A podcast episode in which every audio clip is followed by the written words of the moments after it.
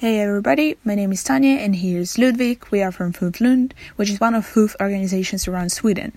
FUF stands for spreading information about global development and creating discussion around various development issues to reach mutual understanding and cooperation. And we are from FUF Lund, and FUF Lund is one of FUF's many local groups who are working with spreading the word about development and development issues. And every month are we working with a different theme covering this. And for this podcast, the theme is technology and development. And recently, we have been on a field visit to the UN city in Copenhagen, where we visited the World Food Programme's exhibition on technology, innovation, and the end of hunger. And during this field trip, we had the pleasure of interviewing Anna Poulsen, who is the head of the World Food Programme Nordic Division, and talk with her about the World Food Programme, who they are, what they are doing, and why they are such an important organization.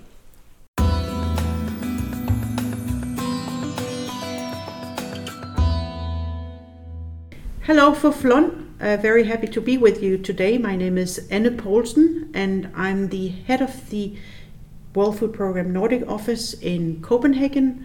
Um, this office uh, covers the entire Nordic countries, so we cover Sweden as well as Norway, Finland, Iceland, and Denmark. We do communications, outreach, and uh, advocacy from our office here in Copenhagen. The World Food Programme is the world's largest humanitarian organization, Feeding a Hungry World. Every year, we provide food assistance to more than 90 million people across the world. We serve in more than 80 uh, countries in total. We are um, an organization that is 100% voluntarily funded. We have government donors as our primary donors and partners.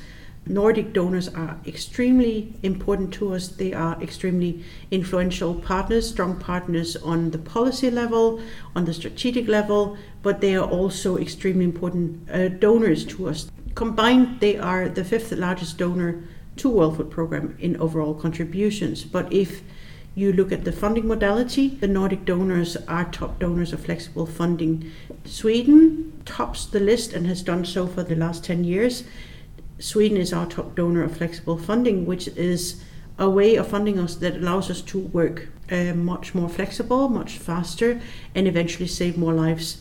A few countries, unfortunately, give us flexible funding, but the Nordic donors do, and we are really, really appreciative of it. They are proponents of good humanitarian donorship, and we are extremely grateful for the trust that they put in the World Food Programme. Could you please explain a bit more what being flexible donor means?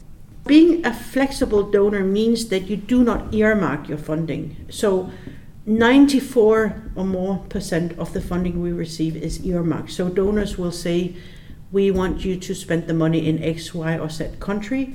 We want you to spend the money on X, Y, or Z operation. Whereas flexible funding leaves us with a choice. We get the money every beginning of the year, and it's up to the World Food Programme to spend the money where needs are biggest, where we can reach the most vulnerable. It's not dictated by any other criteria than humanitarian criteria. So that is what flexible funding means. It's a way of getting, I would say, much more bang for your buck because we can work much more efficiently and flexible uh, on the money and we can save more lives eventually. And actually, increasing flexible funding was part of the uh, great bargain that was negotiated during the humanitarian summit a few years ago. International community pledged to reach percentage of funding being flexible at 30% by 2020. Unfortunately, the trend we see in the World Food Programme is downward, so flexible funds are actually decreasing, which is why we more so do what we can to hold the Nordic donors as example, good examples as proponents of good humanitarian donorship. Why is World Food Programme such an important organization? Every 10 seconds, a child dies from hunger. There are 821 million people who are hungry in the world today. This means that one in nine will go to bed hungry every night. This is the background on which we work, the World Food Programme. We are mandated to uh, work for a World with Zero Hunger. Unfortunately, we are seeing numbers increasing these years. Numbers used to decrease for a period of more than 10 years. The numbers were actually declining. And for the last three years consecutive, the numbers have been increasing, which is very alarming. Um, the numbers are increasing because the number of protracted crises in the world are increasing. Take a look at Syria, South Sudan, northeastern Nigeria, Yemen. Some of the big operations, conflicts have been going on there for years and years in Syria, running into its ninth year. Um, so the number of increasing protracted co- uh, conflicts in the world is driving hunger. So is climate change. It's extremely alarming because at the same time we want to reach zero hunger by 2030. It was pledged during uh, the General Assembly in New York in 2015. So governments, organizations, UN have pledged to reach a world with zero hunger 2030. And of course, we are alarmed to see numbers going up. And we're doing anything we can to reverse the trend, to decrease the number of hungry people. But I think it's also important to be completely clear that unless conflicts are ended, we cannot end world hunger. As long as you have conflicts in the world, you will always have hunger. We don't solve hunger alone. We never were able to solve hunger alone, but we won't solve hunger alone. We need strong partners. We need strong partners to Sweden and the rest of the, the Nordic countries, the rest of the world. And we also need, you know, a, a different world with conflicts and insecurity to end so that we can build food systems, food security, and eventually um, have people provide for themselves and not having WFP to, to rely on for, for their next meal. Um, so far, we talked um, about the role of uh, certain governments in providing the funds for World Food Program. But what about individuals, like simple individuals like us? Can they do anything? Because in the exhibition, you mentioned that uh, World Food Program created, or with the help of World Food Program, the app Share Your Meal was created. Could you please tell um, our listeners about it a bit? Thank you for asking that question. Yes, definitely, there's a lot you can you can do, and that I hope you will be doing because, as I said before, we cannot do this alone. We need all hands on deck. We need you. We need companies, private sector. We need sister UN organizations, NGOs, governments, responsible governments to work alongside us. Uh, there are different ways you can support us, and you mentioned Share the Meal, which is the first fundraising app to fight global hunger um, it was actually something that came out of our inv- you know, uh, innovation accelerator. It's it's an app that you download to your smartphone, and once you have it downloaded, once you have uh, you have uh, made your put in your profile, um, you can use it to invite a hungry child uh, to come with you tonight when you go out to buy a pizza. You just open the app and you just tap it, and you will have uh, donated what corresponds to 50 US cents. Um, so it's a very easy way to to donate. On a small scale, um, we realize that not everyone has, you know, hundreds of thousands of or millions of kroner. This is a, a, a way in which you can donate at a level where even students might be able to to contribute as well. And I think the whole idea of you know sitting in the canteen and then just oh, yeah I'll invite someone for lunch and you have that imaginary lunch partner sitting there at the table, but it's actually a hungry ref- uh, Syrian refugee child in Jordan, or it might be a Rohingya refugee in, in Bangladesh, in Cox's Bazar.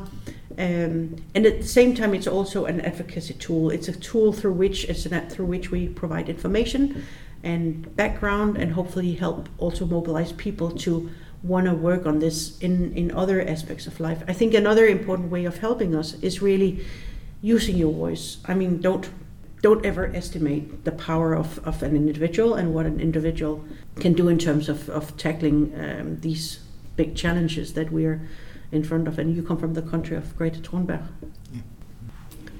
Um, so I think that's a very good example. That's a very strong example of how, of how one individual can make a, a huge difference but but you know use your voice in the way you can use it whether you want to go strike for climate or whether you use your twitter account your instagram your facebook to join the conversation. Really we need people to join the conversation to to point to the challenges in the world to, to the um, injustices in the world the uneven um, division of, of, of wealth and opportunities, you know, hope for the right people who will want to prioritize uh, humanitarian and development assistance. Each of us have a voice on so many different levels, and I think it's important to use our voices as well because I think we need to decide with ourselves the world we want and the world we want to wake up in in 2030. We have never ever had a better starting point for having that discussion and for doing that work than the Sustainable Development Goals. 193 world leaders sat together in New York, signed and pledged on the Sustainable Development Goals. We have the strongest tool that I can ever think of and I ever had in my entire lifespan to put pressure on our politicians, to put pressure on companies that from which we buy our goods uh, the canteen when I go there, you know, to insist on having a meatless Monday or insist on them not using single-use plastic. We all have ways of influencing the world and you know make our contribution to the world we want in 2030. And what I always absurd to think about is we know what's happening. I mean, no one can pretend in the year of 2019 that we don't know. We know exactly what's happening in Yemen. We have drones flying in who can give us live uh, imagery, we have satellites, we have all kinds of tools to monitor, to evaluate. We know exactly that no rain has fallen in the dry corridor in, in Latin or South America, and that in half a year from now or four months from now, they'll have a very poor harvest. We know it. Everything, we have the knowledge, we have the tools, and yet we still allow one in nine to go to bed hungry every night. And if we cannot take the sustainable development goals, and when I say we, I mean international community, whether it's governments, it's UN, NGOs, private sector, individuals, whoever we are, if we don't take that opportunity now to really once and for all change the inequalities of the world, I don't know when we would have another opportunity. There's a saying that there's there's no planet B. There might be a plan B, but there's no planet B. So I really think this is our chance. At the moment, you have the exhibition here. Would you like to talk a bit about that, what it is? The World Food Programme Nordic Office, we have set up this exhibition um, called uh, Technology, Innovation, and the End of Hunger. 821 million people going to bed hungry every night. We need, and, and yet we are on this um, quest to reach zero hunger by 2030. We need to find new ways of working. We need to know more, we need to know better, we need to serve better in order to achieve uh, zero hunger by 2030. Innovation is a crucial part of that. And this is what we are showing here with this exhibition. We want to show the work that we do on innovation throughout the organization. Innovation is not something that is forced out of a specific office or a specific accelerator or something that we started doing in the year of whatever. Innovation has happened throughout the history of the organization. So the way we started out in 1961 when we were born as an organization and the way we worked at the time is completely different from the way we work today. That at that time we provided in-kind uh, food assistance like the rice, the beans, the flour, salt, sugar, etc. We predominantly got the food from these surplus stocks in our part of the world, and food was sent to Africa to feed hungry African children or people. And that was brilliant. We thought at the time we were saving lives, that saving lives our primary mandate. It wasn't really building food security or building sustainable development. We were not contributing to making uh, people or nations food secure so that they could take care of themselves. I mean, we as an organization don't want to be in these countries forever. And trust me, the people in these countries don't want us to stay forever. They want a hand up, they don't want a handout. So they want to be given opportunities to help themselves. And we have changed the way we work in using food aid much more strategically nowadays. So it builds to the, it contributes to the rebuilding, to the resilience of countries. Today, 30% of all our uh, food assistant, assistance come as cash-based transfers. It's a way of enable people to go and buy their own humanitarian food assistance. So rather than bringing them, flying in, shipping in, driving in these big containers of, of rice and corn and, and whatever, we give people the money so that they can go and buy their own humanitarian food assistance. Um, we do that among other with Swedish money. Sweden um, has a strong policy on cash-based transfers, um, and and when we first started doing cash based transfers, it was cash in the hand of people. Then it became a bit more sophisticated. It was small paper vouchers that people were given so they could go one, one time a month and redeem that little piece of paper at the local grocery store. Then it became even more sophisticated, and we had electronic payment cards for the uh, operation Syria refugee operations in the countries around Syria. We worked with MasterCard to roll out um, electronic payment uh, system where refugees were given an e-card so they could buy their own food assistance. There's no need for us to provide that food in kind and set up different distribution or parallel distribution points. When you have supermarkets that are, you know, where food is abundant, you just need to make sure that people have refugees have the money to go buy their own food. Um, so we have provided uh, electronic uh, electronic payment cards. It's a very uh, good solution for refugees. They are provided with uh, freedom of choice. They are also provided with flexibility. They can get more fresh produce than we are able to give them through the standard um, food distribution packets. It's also a very important tool or modality for the local economies uh, in the countries. Imagine a country like Lebanon, which at some point in, during this crisis, one third of the population were actually refugees from, from Syria. That puts a heavy, heavy burden on, on some of these host countries, which may not themselves be, you know, flooding in wealth and, and abundance. So cash-based transfers will contribute to local economies. It will actually be a help to the host communities as well as it will be a win for the refugees or the people that we provide cash-based transfers to. Perfect. Do you have any last comments? I, I would very much like to thank FUF Lund, yeah. to, to thank you for, for coming here today, for doing this podcast, and for allowing us to um, to give voice to, to the people we serve. I mean, we cannot send you to Bangladesh or to northern Kenya to go talk with the beneficiaries. We can't do that. Uh, but we can try to communicate on their behalf through an exhibition like this innovation exhibition. So we're extremely grateful for you to be here today, to, for coming here, for doing the podcast, so that we can explain and, and, and lend our voices to the people we serve. And, and I think one fine, final thing on innovation it's it's important uh, for me to stress that we don't do innovation for the sake of innovation. It's not a matter of having, you know, fancy apps or flashy drones that fly, fly around. Everything we do has one end in mind, one end goal, and it is how can we serve better? How can we constantly improve so that we serve better the people uh, in need? And any solution we come up with, we will make sure that this is carefully tested so that it will make sense to the people we serve, um, more efficient, and contribute to that long term uh, development of world with zero hunger. Then thank you so much for taking your time and talk with us. We're very and, and we appreciate you. it very much. Thank you very much for hosting us and showing us this exhibition.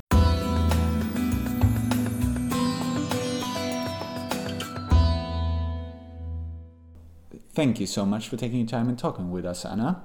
If you are interested in the World Food Program, who they are and what they are doing, uh, please don't hesitate to look them up online. Uh, in the description for this podcast, we'll post all the links to them.